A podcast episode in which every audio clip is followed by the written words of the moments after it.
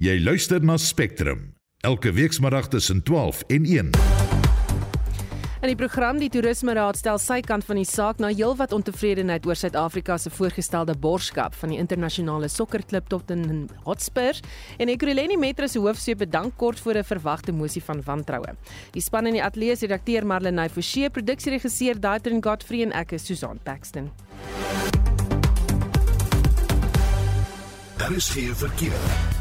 Goeiemiddag, ek is Annelien Moses met die verkeersnuus. Ons begin in Johannesburg. Daar staan 'n voertuig op die N1 Noord by Rivonia weg en die regterbaan is versper. In KwaZulu-Natal ook 'n voertuig wat staan in die linkerbaan op die N2 Suid na Queen Nandi Rylaan. En in Kaapstad was daar 'n botsing tussen verskeie voertuie op die N1 stad in voor Sabieweg. So verwag vertragings daar. As jy enige verkeersnuus het, stuur 'n SMS na 45889 en kos R1.50 per boodskap.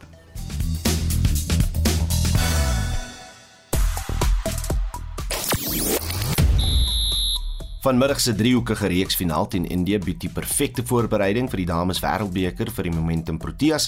Vir die manspan is outomatiese kwalifikasie vir die eendag wêreldbeker nou weer in die weegskaal.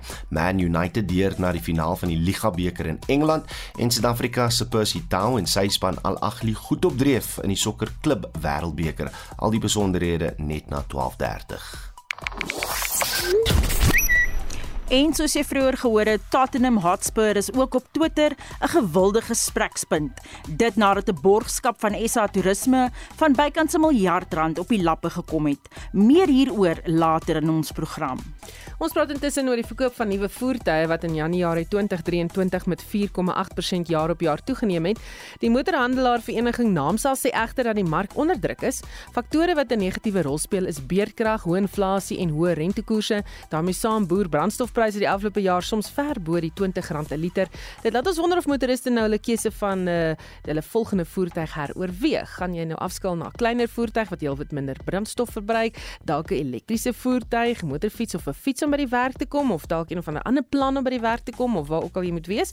Jy kan vir ons 'n SMS stuur na 45889 teen R1.50 per SMS of praat saam op ons Facebook bladsy of laat hoor van jou is altyd lekker om die stemme te hê. Stuur 'n stemnota op WhatsApp na 076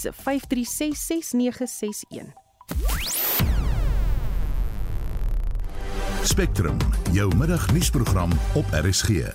So bykans 7 minute oor 12. Leidensberigte het die DA se hoofsweep in die Ekurhuleni Metro, Ketha Shandu gister bedank voordat 'n mosie van wantroue vandag teen hom, asook die spreker Raymond Lamini aangehoor sou word. Vir meer praat ons nou met professor Andre Dievenage, 'n politieke ontleder van die Noordwes Sakeskool. Goeiemôre Andre. Middag Susan.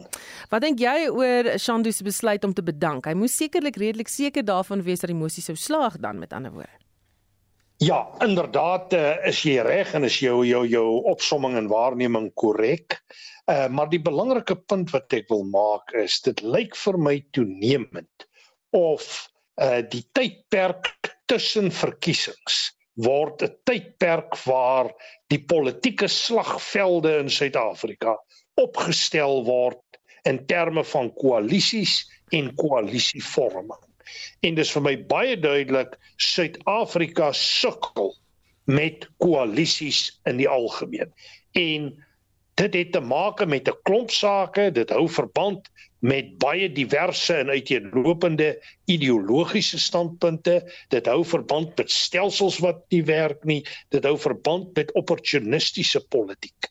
En ek is bereid om te sê as ons nie groter stelsel goed gaan regkry nie, gaan ons bitter moeilik koalisies kry om te werk. En wat ons nou in Ikuruleni sien, is maar eintlik wat oor die land heen gebeur kontekste verskil, die name verskil, maar dit is blaatante rou magstryde waar een letterlik nie die ander een die son gun om oor te skyn nie. En wanneer dit kom by koalisiepolitiek, is dit belangrik dat jy moet weet jy verskil van jou opponent en jou persoon met wie jy saamwerk. Maar Daar's 'n rede waarom jy saamwerk en julle moet beweeg na 'n volgende vlak toe waar julle die algemene belang kan dien en kan vooropstel. Op die oomblik lyk dit vir my of dit partybelange, individuele belange is wat vooropgestel word en dit lei tot onstabiliteit en uiteindelik verswak dit die posisie van reeds swak plaaslike regerings en ek dink Ikuruleni is 'n voorbeeld in hierdie verband. Watter impak indien enige het sy bedanking moontlik op die burgemeester se posisie? Wel, ek dink dit moet noodwendig 'n impak hê op die burgemeester. Natuurlik speel hierdie mense maar politiek op lyne op individue en uh, na persone toe en uh, maar ek reken dit gaan in die algemeen nadelig wees vir die burgemeester se posisie, maar mens weet nooit watter alliansies ooreenkomste daar agter die skerms gesluit is nie en tot watter punt mense sal beweeg ten einde politieke oorlewing te probeer bewerkstellig. Baie dankie, dit was professor Andrei Dievenage, politieke ontleder van die Noordwes Sakeskool. Die EFF-leier Julius Malema het sy regspan opdrag gegee om aansoek te doen dat regter Antoinette Olivier haarself onttrek aan die saak teen hom en sy leiwag Adrian Snyman. Hulle word aangekla van die onwettige besit van 'n vuurwapen, die oortreding van die wet op 'n vuurwapenbeheer, die onwettige besit van ammunisie en die roekelose bedreiging van persone of eiendom. Dit volg op beeldmateriaal waarin dit voorkom asof Malema 'n vuurwapen in die openbaar afvuur by 'n byeenkoms in 2018. En vir sy mening praat ons nou met die direkteur van Action Society, Ian Cameron. Goeiemôre Ian. Goeiemôre Suzan. Malema en Snyman se regspan betwis die gebruike van hierdie video as bewysstuk dat Malema skerppunt ammunisie gebruik het. Julle glo egter dit is genoegsame bewyse. Hoekom? Ehm um, daar's 'n hele paar redes daarvoor. In die eerste plek kan ons sien op die hantering van die vuurwapen dat Snyman baie baie versigtig is uh op die video wat geneem is dat die vuurwapen vir Malema gee en weer by hom vat. Is ook baie duidelik in die flitsse wat uit die loop uitkom, ehm um, die sogenaamde skop van die vuurwapen uh dat dit nie uh dat dit nie net 'n speel speelding is nie. En ek dink ook die feit dat die EFF al soveel keer hulle storie verander het. Dit was op 'n stadium wat dit vuurwerke wat wat dit was en hulle het in wat het hulle gesê? Hulle het gesinkroniseerd geskiet saam met die vuurwerke so dit klink soos 'n regte vuurwapen al sulke snert ek weet ook en ek het vertroulik verneem maar ek dink nie ons moet dit geheim hou nie dat al wel ehm um, uh, leë koppies op die toneel opgetel is en dat daai spesifieke vuurwapen soortgelyk is aan ander vuurwapens wat Adrian Snyman geregistreer het in sy sogenaamde sekuriteitsmaatskappy. So as Malema en Snyman net wegkom hier uh is hulle duidelik bo die wet want selfs al was dit nie regte vuurwapen nie wat dit wel is ehm um, het is dit nog steeds onwettige optrede van hulle laat dit blyk soos 'n soos 'n regte vuurwapen en natuurlik hou dit op sy eie bepaalde risiko's. Die twee is nou ontevrede oor regter Olivier se vrae aan 'n getuie gister en vra dat sy haarself van die saak moet onttrek. Wat wil julle by Action Society hê moet hier gebeur? Um, ek dink dit sou baie sleg wees as hy onttrek. Ek dink dit is 'n manier op vir hulle om vir tyd te speel. Dis 'n tipiese ehm um, 'n tipiese skop vir die kantlyn en ek dink hulle sal dit wil uittrek so ver as moontlik. As dit ek of jy was, wat ons waarskynlik nou lankal agter tralies gewees, maar ons weet nou al uh, teen die tyd dat meneer Malema gewoonlik uh, beheer uitoefen oor hierdie tipe sake en ek dink dit is ook 'n intimidasie taktiek.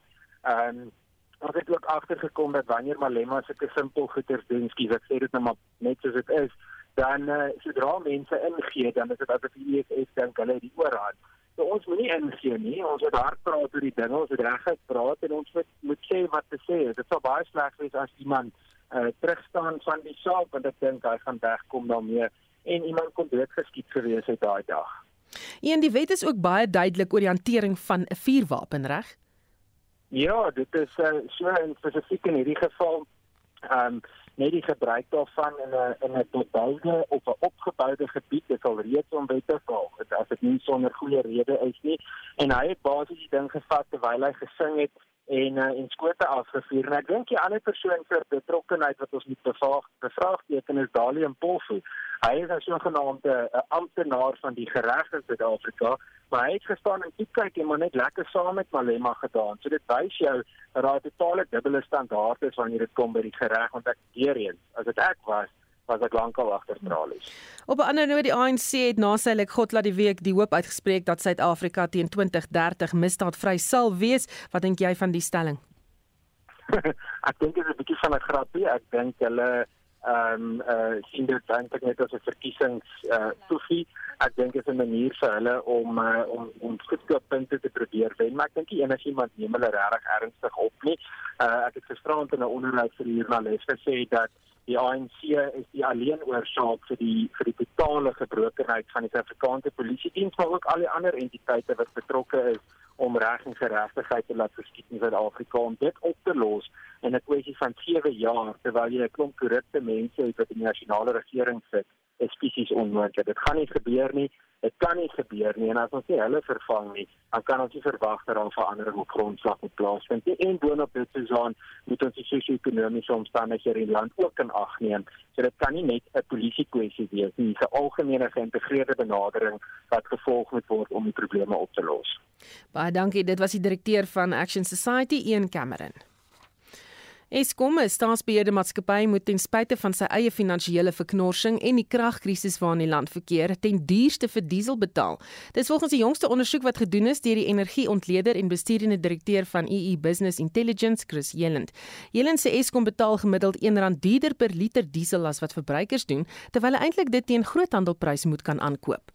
ESCOM has had to make uh, a total of three emergency procurements.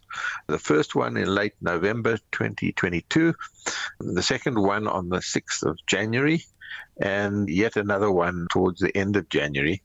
And for the first procurement, it turns out that ESCOM is paying Petro SA for this diesel cash up front, a sum that, when you work it out, comes to more than one rand a litre, more than what the average motorist would pay to fill up their car uh, with diesel. So, for 50 million litres of diesel at a price of 1.3 billion rand, that works out at 26 rand a litre, which is one rand more than the pump price that a motorist would pay for 50 litres of petrol. Yeah, the contract prices uh, for Petro SA are also well above the other market players, Astron, Shell and Engen. Helen sê hy is heeltemal verbuister oor die feit dat Eskom nie 'n groothandellisensie toegeken word om diesel goedkoper te kan aankoop nie. Well, firstly, let's deal with the wholesale question. Eskom would like to buy wholesale and become an electricity trader and importer of diesel itself. And unfortunately, these licenses to do this are in the hands of the Department of Mineral Resources and Energy, DMRE, and the Minister of Energy, that's Gwedi Mantasha. And the Minister and the DMRE are, in fact, the oversight and responsible ministry for Petro SA. Petro SA is in a dire financial state. The last financial year posted a loss of some 1 billion rand. And it's quite clear that they are in a cash flow crisis and in deep financial straits. So it appears and the suggestions are that uh, Eskom is being kind of forced to buy diesel through Petra SA at a premium price to keep Petra SA afloat, as it were. Jelen sê as Eskom die groothandel lisensie kry, kan hy 4 miljard rand spaar op diesel aankope. Jelen sê boonop word Eskom nie net ingedoen deur Petro SA nie, daar is ander regeringsdepartemente wat ook bydra tot die kragrees se ondergang. Municipalities, which is local government, owe Eskom about 56 billion rand of arrear debt for electricity purchases. And this has been going on for years.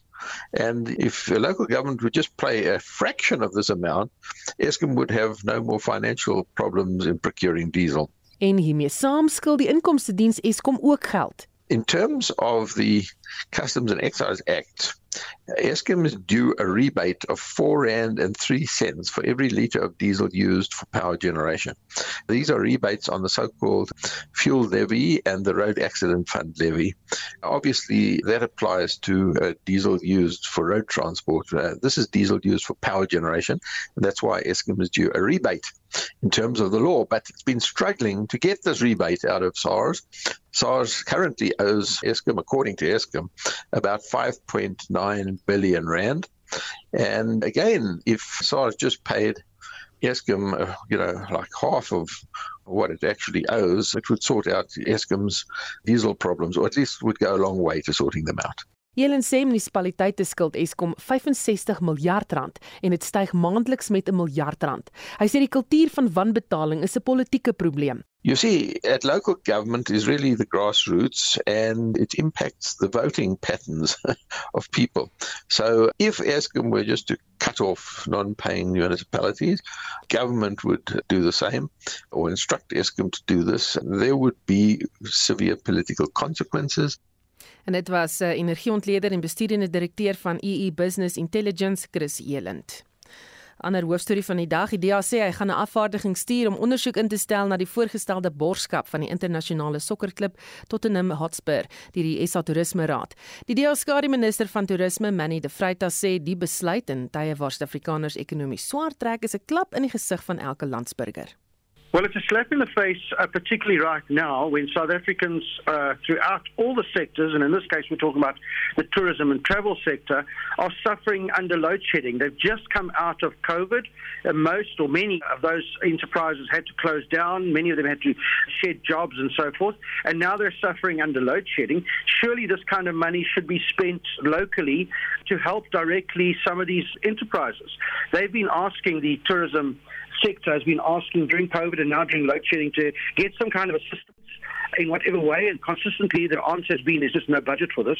But suddenly there's budget to spend on an overseas team that is very well off on their own. We have no guarantee that we'll benefit from a tourism perspective in the sponsorship. De Vryte sê op die stadium weier Tottenham Hotspurs om met die DA te vergader. But what we have discovered subsequently yesterday afternoon is that in fact there seems to be negotiations negotiations quite advanced. Apparently, members of the South African Tourism Board, as well as our High Commissioner there in London, have already met with representatives of the soccer team and have been to the stadium and so forth. So, we now today are going to be asking our DA Board people to set up a meeting with the High Commissioner, really to get more information.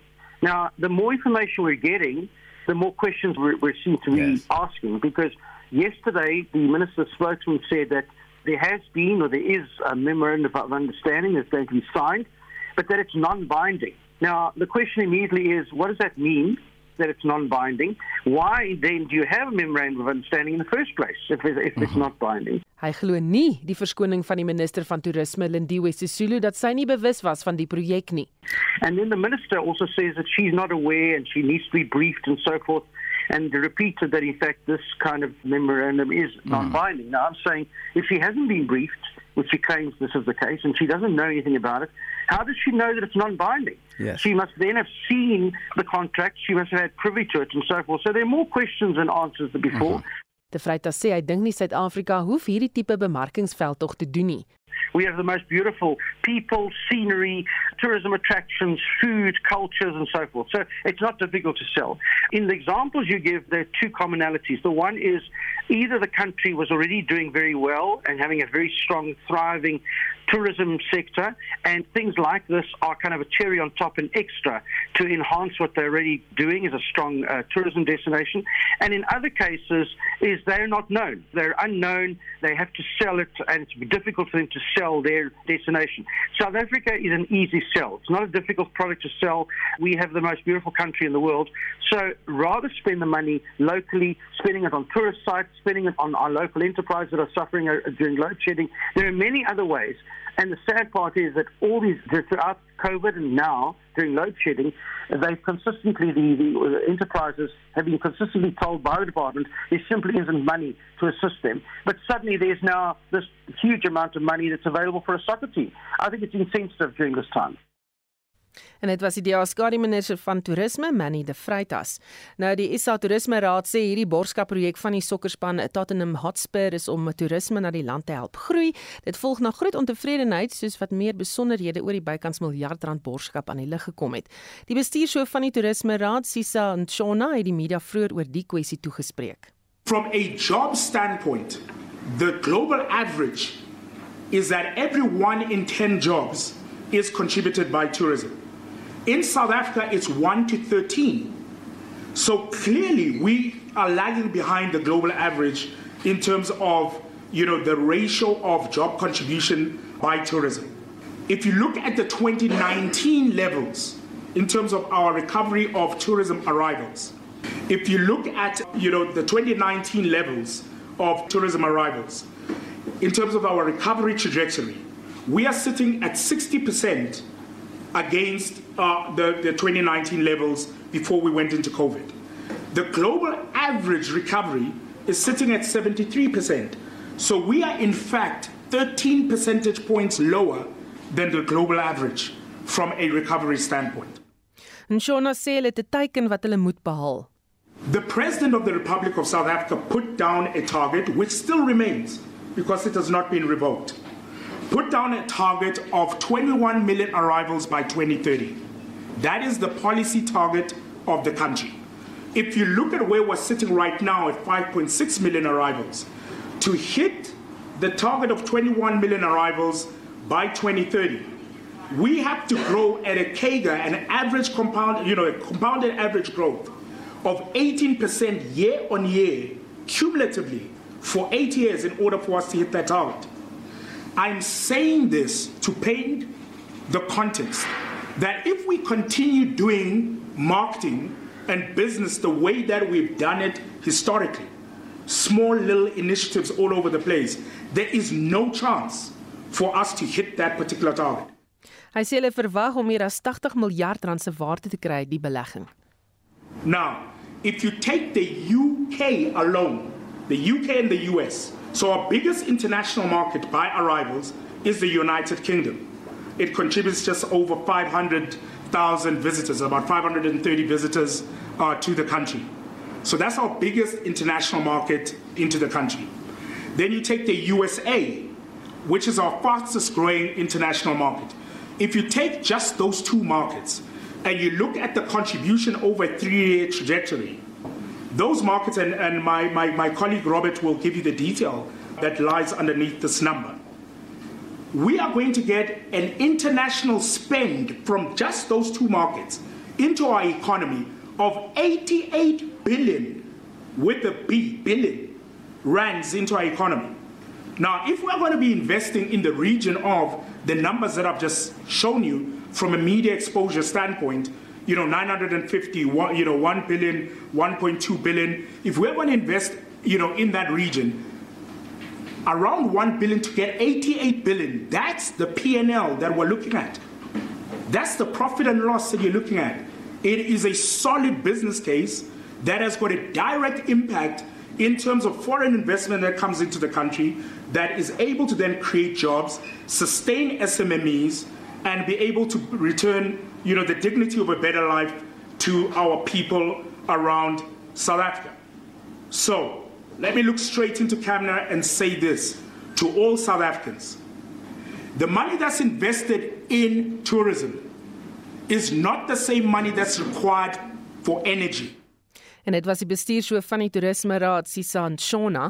Ons praat nou verder hieroor met 'n kenner van toerisme sake aan die Departement van Toerismebestuur aan die Noordwes Universiteit, professor Piet van der Merwe. Goeiemôre Piet. Susan, gaan dit goed? Met my gaan dit goed. Wat dink jy van die Toerisme Raad se inisiatief met hierdie veldtog? Nee, dit klink vir my baie interessant wat ek nou na geluister het. Ehm um, dit van my kant af hierdie groot toerisme gebeurtenisse ehm um, weet ons bring goeie geld in. Ons weet ehm um, dit skep werksgeleenthede en ons weet dit skep skillsgeleenthede en alles.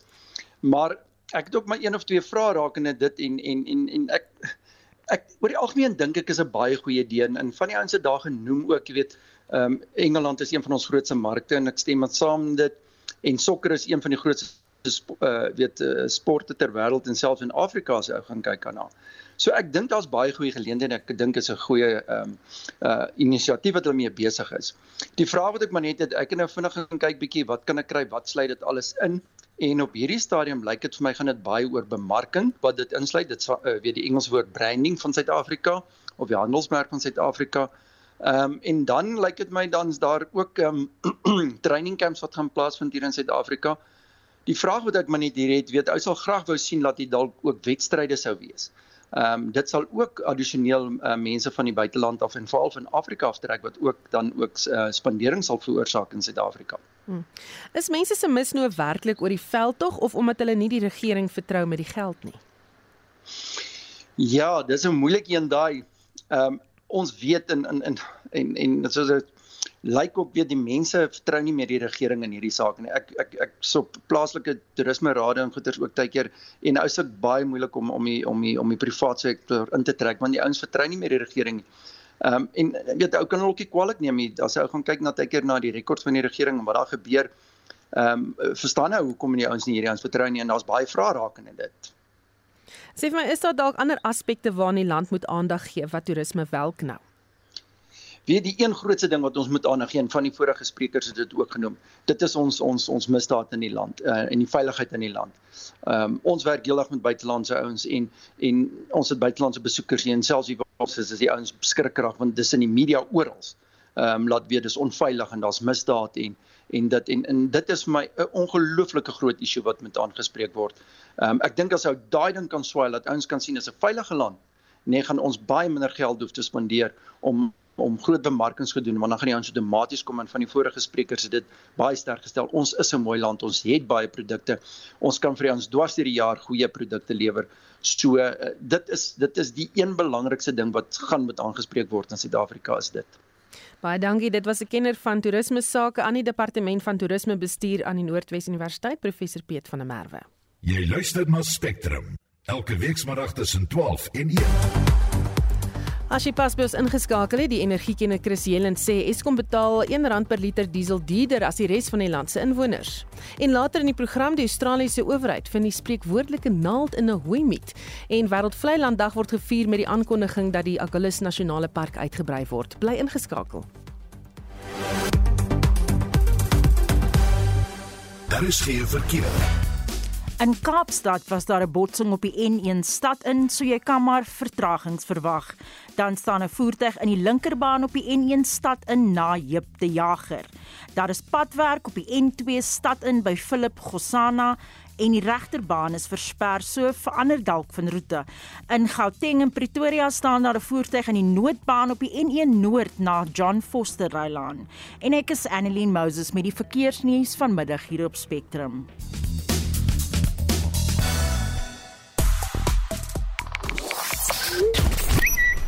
Valentines is ook 'n gonswoord op Twitter, al is die dag van rooi harte nog eers 'n hele paar dae weg. Ons gesels oor uh, of jy 'n ander plan gaan maak om uh, by die werk te kom miskien of iewers heen te ry en dit is nou natuurlik nadat die uh, verkope van voertuie onder druk is en uh, hier's 'n luisteraar wat sê ek ry maar 'n driewiel dis Johan van Heerden en dan vra Jan van Greenen maar wat bedoel jy met 'n driewiel dan sê hy dis 'n trapfiets soos op skool. Um, en ek het ook gewonder later of daar mense is wat dalk miskien gaan uh, kyk na uh, of jy dalk 'n saamry klub weer gaan begin of dit vir dalk uh, uh, gaan werk. Jy kan sit saamgesels op Monitor Spectrum se Facebookblad of vir ons 'n SMS stuur.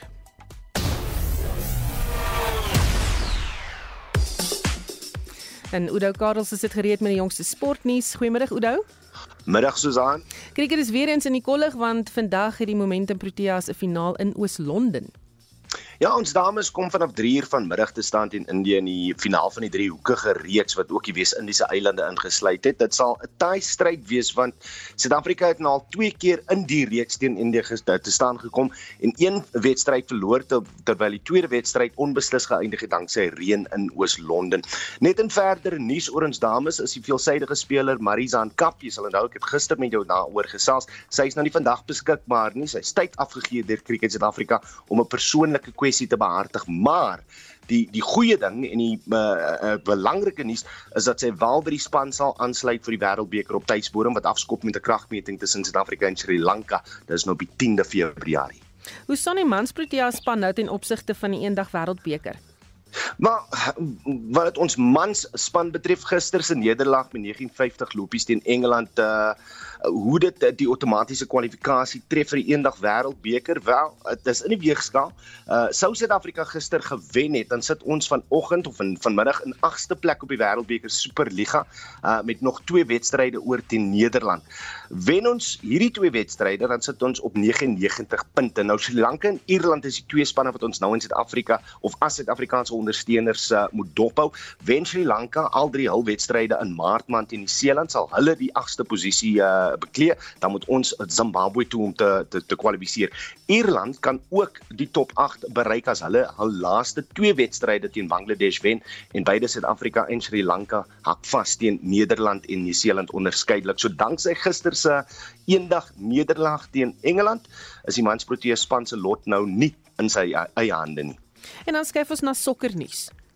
Ja, um, Manchester United sal uh, nou teen Newcastle United te staan kom in die finaal van die Engelse Liga beker oftewel Carabao Cup. Dit nadat Manchester United gisteraand 2-0 geseëvier het oor Nottingham Forest met 'n oorhoofse telling van 5-0, want gisteraand was die tweede been van die halfeindstryd. Die Liga beker finaal word op die 26ste Februarie beslis. En in ander sokkernuus het Suid-Afrikaanse doelskieter Percy Tau, een van sy span Al Ahly van Egipte se 3 doele aangeteken om met Auckland City af te reken in die eerste ronde ronde van die FIFA Club Wêreldbeker. En net uh, terwyl die land nog aan die gons is uh, Susan oor SA toerisme en oor of hulle wel 'n miljard rand gaan spandeer in die borgskap en bemarkingsveld op met die Engelse klub Tottenham Hotspur, het die Sunshine Tour of die uh, Sonskyn Tour, dis nou Suid-Afrika se premier golftoernooi, gister bekend gemaak dat hulle wel 'n borgskap gesluit het met die regeringsagentskap SA Toerisme.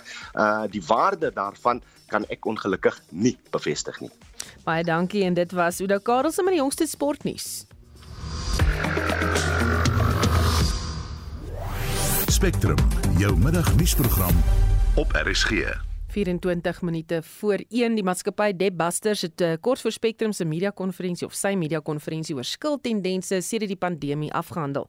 Die maatskappy het onder meer klem geplaas op die impak van betaal vakansies, stygende rentekoerse en watter kwessies verbruikers in die komende jaar gaan beïnvloed. En vir meer hieroor praat ons nou met die bemarkingsbestuurder van Debusters, Amelia Di Maliander. Goeiemôre Amelia. Hallo Susan. Uh, wat het met Suid-Afrikaners se skuld gebeur sedert die pandemie?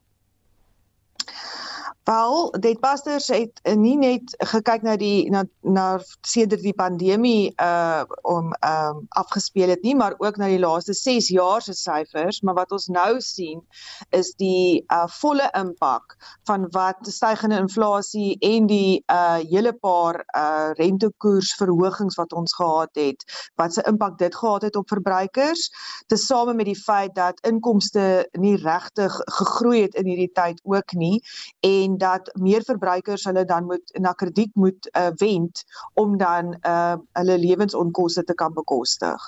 So hoe vergelyk die skuldvlakke met verlede jaar se?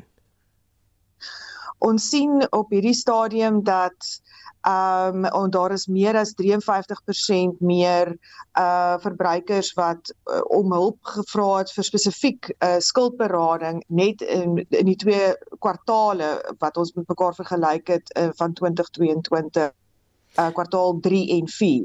Ja. En wat oor die toekoms in gaan dinge beter word?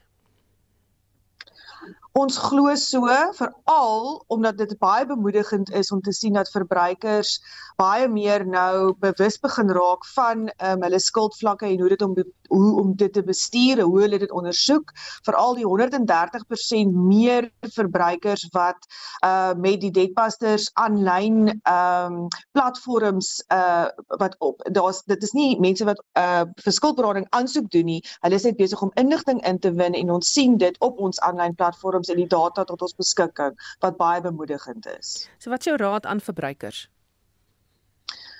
Maak seker jy verstaan die impak van ehm um, rentekoerse en die rente wat jy betaal op jou uh, skuld ehm um, wat jy het, het sy vir jou huis, jou motor en dan vir al persoonlike lenings en kredietkaarte en uh, gemaak sê uh, uh, maak seker jy voed jouself op oor die oplossings wat beskikbaar is.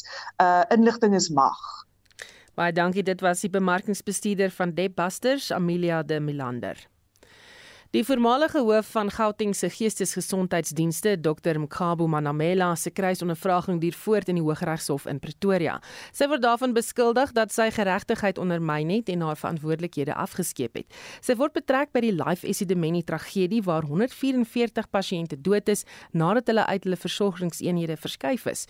Ons verslaggewer, Daniel Shuma, het aan Marlene Forsie gesê hoekom jy as Manamela se getuienis so belangrik is. She was a very senior person who was actually accountable for a lot and lot of uh, uh, mental health uh, patients across the province before and after the relocation to various NGOs. Remember that she was also in charge of approving uh, licenses for these NGOs, whereas in some cases she actually approved licenses even though some of the NGOs were not even equipped to can admit patients. Although uh, during her testimony, she said NGOs were not compelled to admit patients, and this came as a surprise to legal representatives who were questioning him from the other groups, saying that, but at the same time, we're supposed to assess these NGOs, assess their facilities before you can even allow them to admit uh, patients. Hy sê Manamela se getuienis kan nog weke lank duur en dat sy die eerste van groot name is in die saak wat ondervra word. She's paving a way for her former boss, the uh, MEC, who, former MEC of Health in Gauteng, Fredani Mahlangu, who will take the witness stand maybe in a month or two once she has completed because it looks like uh, Dr. Manamela's testimony or cross-examination is likely to take a number of weeks. She started last October with some challenges where she a bit reluctant to come and testify until a warrant of arrest was uh, authorized against her. But she was given opportunity for a couple of weeks before first and she came and testified. She was cross-examined, but it seems there is a volume and volumes of uh, documents in which cross-examination is still it still has to go. So that is why even now it can take another week or two or three for her to complete the cross examination. And another possibility is that some witnesses who came before her may still be called to clarify certain issues. En uh, dit was ons verslaggewer Faniel Shuma wat met Marlenae Forsie gepraat het. Wêreldvleilanddag word vandag in Suid-Afrika gevier met die aankondiging dat die Agulhas Nasionale Park uitgebrei word met die insluiting van die mees suidelikste varswatermeer op die kontinent. Die projek wat gedryf word deur Sanparke en die Wêreld Natuurlewe Fonds het uitsluitlik die doel om die vlei landgebied te bewaar. Dr Lutando Dziba van Sanparke sê die vlei se naam is Zoodendal, vernoem na 'n Nederlandse skip wat daar naby op die rotse geloop het. I think in South Africa generally, we know that wetlands are a threatened ecosystem. Uh, I think more than 5% wetlands are threatened in South Africa, and that is partly because they are not protected. So having this wetland added into a national park basically increases its level of protection to the highest level uh, of protection. And uh, number two, it is an important wetland because in addition to being Africa's southernmost freshwater lake, it, it contributes uh, quite significantly to uh, recharging groundwater resources and supplying uh, fresh water for, for the local area. Die minister van Bosbou, Visserye en Omgewingsake, Barbara Krisi sê, gegee die belangrike rol wat vlei lande speel in die oorlewing van die mensdom, is dit skokkend om te besef dat vlei lande op die oomblik 3 keer vinniger verwoes word as woude.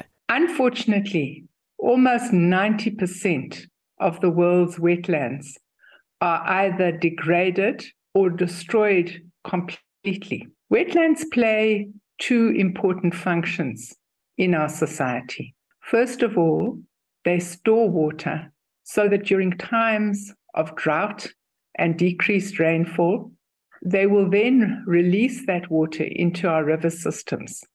And that obviously helps with agriculture, it helps wildlife, and of course, it also helps human consumption of water. The second important function that wetlands play is that they protect the built environment as well as the natural environment from flooding. because a wetland is like a sponge. And when there's an excessive amount of rainfall and a large amount of surplus runoff, the absorption of this water by wetlands helps to prevent flooding. Krisis sê dis uiters belangrik dat vlei lande beskerm moet word.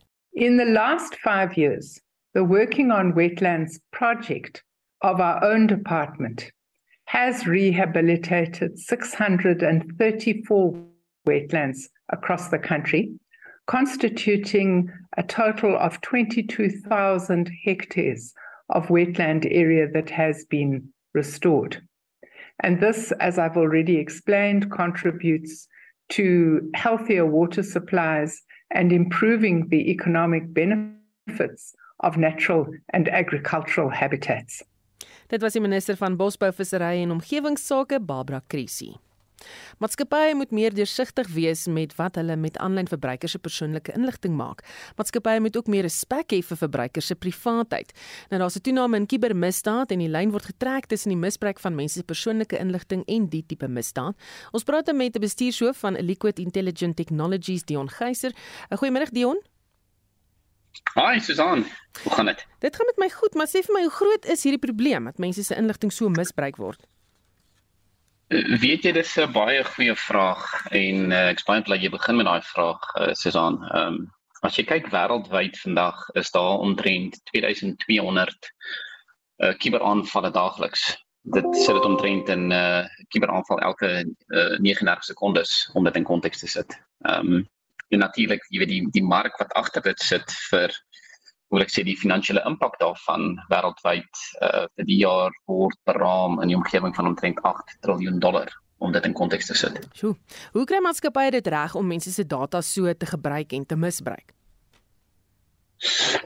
Ek dink die, die die groot ding vir ons in die jy weet vir almal uh in die industrie is maar die realiteit van ons almal uh, jy weet uh, samel data op van of dit nou individue individue is of kliënte of selfs jou eie mense wat vir jou werk. Ehm um, en die groot vraag is natuurlik wat doen jy met daai data en hoe samel jy daai data in? Ehm um, jy weet in baie van die aanvalle gaan regtig oor die vraag om daai data te kan kry om dit dan op 'n swart mark te kan verkoop of vir ander doeleindes te kan gebruik. Hmm, ek wonder of jy vra, dra dit by tot kubermisdaad?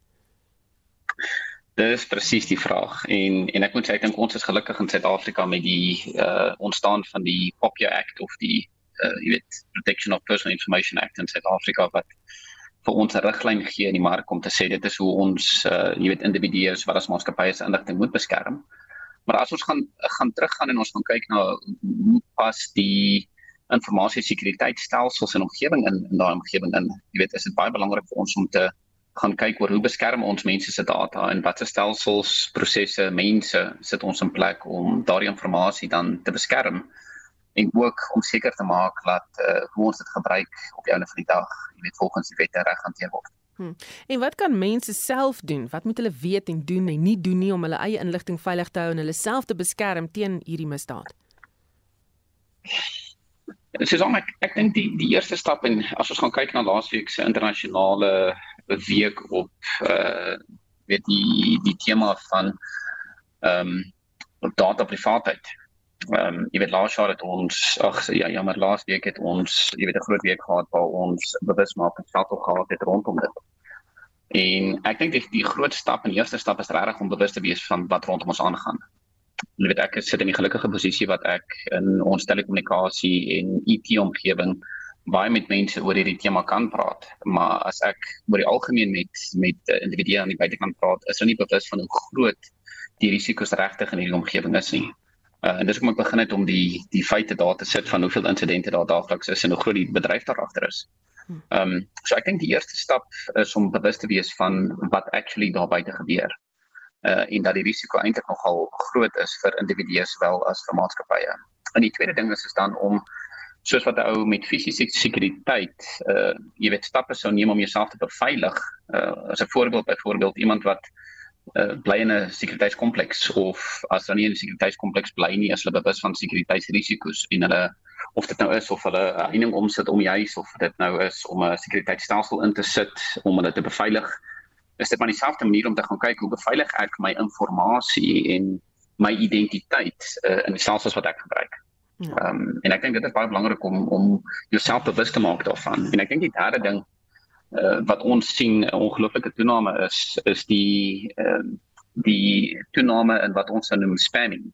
Jy weet waar mense jy weet jy kry 'n stel e-posse wat vra vra of wat ook maak asof hulle 'n ander persoon is. En dis baie belangrik om daai goed dop te hou om te verstaan waar gebruik mense jou inligting en hoe om jouself daarteen te gaan beskerm.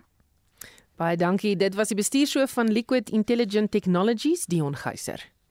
Die Australiese owerheid het die skynbaar onmoontlike reg gekry. 'n Radioaktiewe kapsule so groot soos die helfte van 'n Ponado kapsule is na 'n uitgebreide soektog weer gevind. Dit het uit 'n vragmotor geval op 'n stuk pad so ver soos wat Johannesburg van Kaapstad af is, maar hulle nou forseer meer besonderhede. 'n Professor in kerningenieurswese aan die Noordwes Universiteit, Frik van Niekerk, sê radioaktiewe kapsules soos die word algemeen gebruik in die mynbousektor om die digtheid van ystererts te bepaal. Nou in die geval kom die spreekwoord klein botteltjie groot gif tot sy reg. Dit is in eerste instansie onverantwoordelik dat so iets kan gebeur want almal weet dit is skadelik. Dit is soos om groot hoeveelhede chemikalieë sommer so goedsmoeds te vervoer en langs die pad te stort is ongehoord, dis ongeruimd en dan sal beslis opgetree word teen die organisasie wat dan nou die vervoer behartig het. Die goeie is dat dit opgespoor is en dat dit duidelik en wyd verkondig is aan die publiek dis die regte ding om te doen. Sê vir almal daarvan hulle het geen steen onaangeroer geraak om hierdie bronnetjie op te spoor. Maar hoe is die 6 by 8 mm kapsule opgespoor? Reuters berig dat die kapsule se bestraling soortgelyk is aan 10 X-strale per uur. Volgens van Niekerk word gespesialiseerde toerusting ingespan om die strale op te vang. As 'n mens op 'n lang donker pad en jy weet waar jy ry, soek na 'n flou liggie wat ergens skyn en is lekker donker om jou en jy 'n goeie instrument of jy het goeie oë, dan gaan jy op afstand al sien daar skyn iets op die pad. En dit is amper ekwivalent aan wat hier gebeur het. En omdat dit cesium is en omdat dit 'n gamma straal bronnetjie is met 'n redelike vermoë, beteken dit eintlik 'n analogie van die voorbeeld 'n helder liggie wat daar gelê het en omdat hulle nou sê teen 70 km per uur gery het, het volgens hulle berekeninge hulle stadig genoeg beweeg sodat as hulle naby genoeg aan die bronnetjie sou verby beweeg dat die sein sterkte so sou wees dat hulle kon sê hier is 'n ding. En dis inderdaad wat gebeur.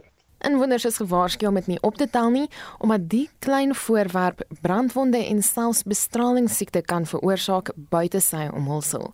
Bestraling is egter 'n belangrike komponent van ons daaglikse bestaan, onder meer om kwaadaardige gewasse te identifiseer of beendigtheid te bepaal. Tweedens, moet 'n mens dink aan die veelerlei industriële toepassings waar daar tipies baie metings gedoen word wat uh, ten doel het om prosesse te verbeter, te optimaliseer, te moniteer. Dan moet ons nie vergeet nie van die gewone gebruik kernenergie. Geweldige hoë digtheid van energie in areas waar daar nie hernubare bronne is wat mense altyd sal verkies nie, maar die voordeel dat dit hoë digtheid energie het en dat dit lank kan gebruik word sonder herlading of hervulling, dit is nie wisselvallig nie en is natuurlik kernenergie voor die hand liggend ook 'n skoon energievorm. Frik van Niekerk is 'n professor in kerningenieurswese aan die Noordwes Universiteit. Ek's Marlene Forsie vir SAK nuus. Bianca Olifant is gereed met 'n opsomming van die afgelope uur se hoofnuus. Bianca? Die hoofsweep van die Ekurhuleni Metro Raad, Keto Shandu, het gister sy bedankingsbrief aan die uitvoerende raadslede gestuur. Dit kort voor 'n raadssitting waarop 'n mosie van wantroue teen hom en die spreker van die Metro, Raymond Lamini, na verwagting bespreek sou word. Professor Andre Dievenage 'n politieke ontleder van die Noordwes Sakeskool sê die regering sukkel om koalisies te bestuur. Dit is blaatante rou magstryde waar een letterlik nie die ander een die son gun om oor te skyn nie. En wanneer dit kom by koalisiepolitiek, is dit belangrik dat jy moet weet jy verskil van jou opponent en jou persoon met wie jy saamwerk. Maar daar's 'n rede waarom jy saamwerk en julle moet beweeg na 'n volgende vlak toe waar julle die algemene belang kan dien en kan vooropstel. Op die oomblik lyk dit vir my of dit partybelange, individuele belange is wat vooropgestel word en dit lei tot onstabiliteit en uiteindelik verswak dit die posisie van reeds swak plaaslike regerings. Die EFF-leier Julius Malema het sy regspanne gevra om 'n aansoek in te dien dat Landros Toinet Olivier haar van die saak onttrek. Die direkteur van Action Society, Ian Cameron, gee sy mening. As Malema en Snyman net wegkom nie, is hulle duidelik bo die wet. Want selfs al was dit nie regte vuurwapen nie, wat dit wel is, is dit nog steeds onwettige optrede van hulle. Laat dit blyk soos 'n soos 'n regte vuurwapen en natuurlik hou dit op sy eie bepaalde risiko. Meer as 'n miljoen Franse protesteer teen die Macron administrasie se plan om die aftreeouderdom van 62 tot 64 te verhoog. The unions say we will not cease to mobilize, but the government say we will not yield to the street. So this confrontation may end up by the win of one camp, but this will be a great loss for the other one. Luister môreoggend tussen 6 en 7 uur na die volledige bydrae. Dis Bianca Olifant met 'n opsomming van die afgelope uur se hoofnuus. Ons het gepraat vandag oor die verkoop van nuwe voertuie wat in Januarie eh, met 4,8% jaar op jaar toegeneem het, maar die eh, mark bly steeds onder druk en toe nou gevra of jy 'n ander plan sal maak eh, om 'n voertuig te kry en Jacques sê nee, dis 'n bose kringloop. Gaan jy nou vir 'n kleiner kar gaan jy waarskynlik weer skuld moet maak plus 'n kleiner kar het gewone kleiner bande. So met ons paai in die slaggate kan 'n mens dit nie eintlik waag nie en wie wil nou weer skuld aangaan vir 'n kleiner motor? Dis belangrike besluite wat veiligheids- en finansiële implikasies het vir almal. Ry maar minder en beplan jou ritte as jy werk probeer saam met iemand ry waar moontlik. En Elise Derrickson sê as jy 'n Suid-Afrikaner is wat in Nieu-Seeland woon en jou geld is rand en sent, kos 'n liter brandstof jou ongeveer R280. Dis 25 dollar per liter. Maar hier is nie beerkrag nie, so dan is 'n elektriese motor dalk 'n opsie. Dankie dat jy saamgesels het. Ons groet namens ons uitvoerende regisseur Nicoline de Weer, redakteur Marlene Forsie en ons produksieregisseur is Daitrin Godfrey. My naam is Susan Paxton. Geniet jou middag.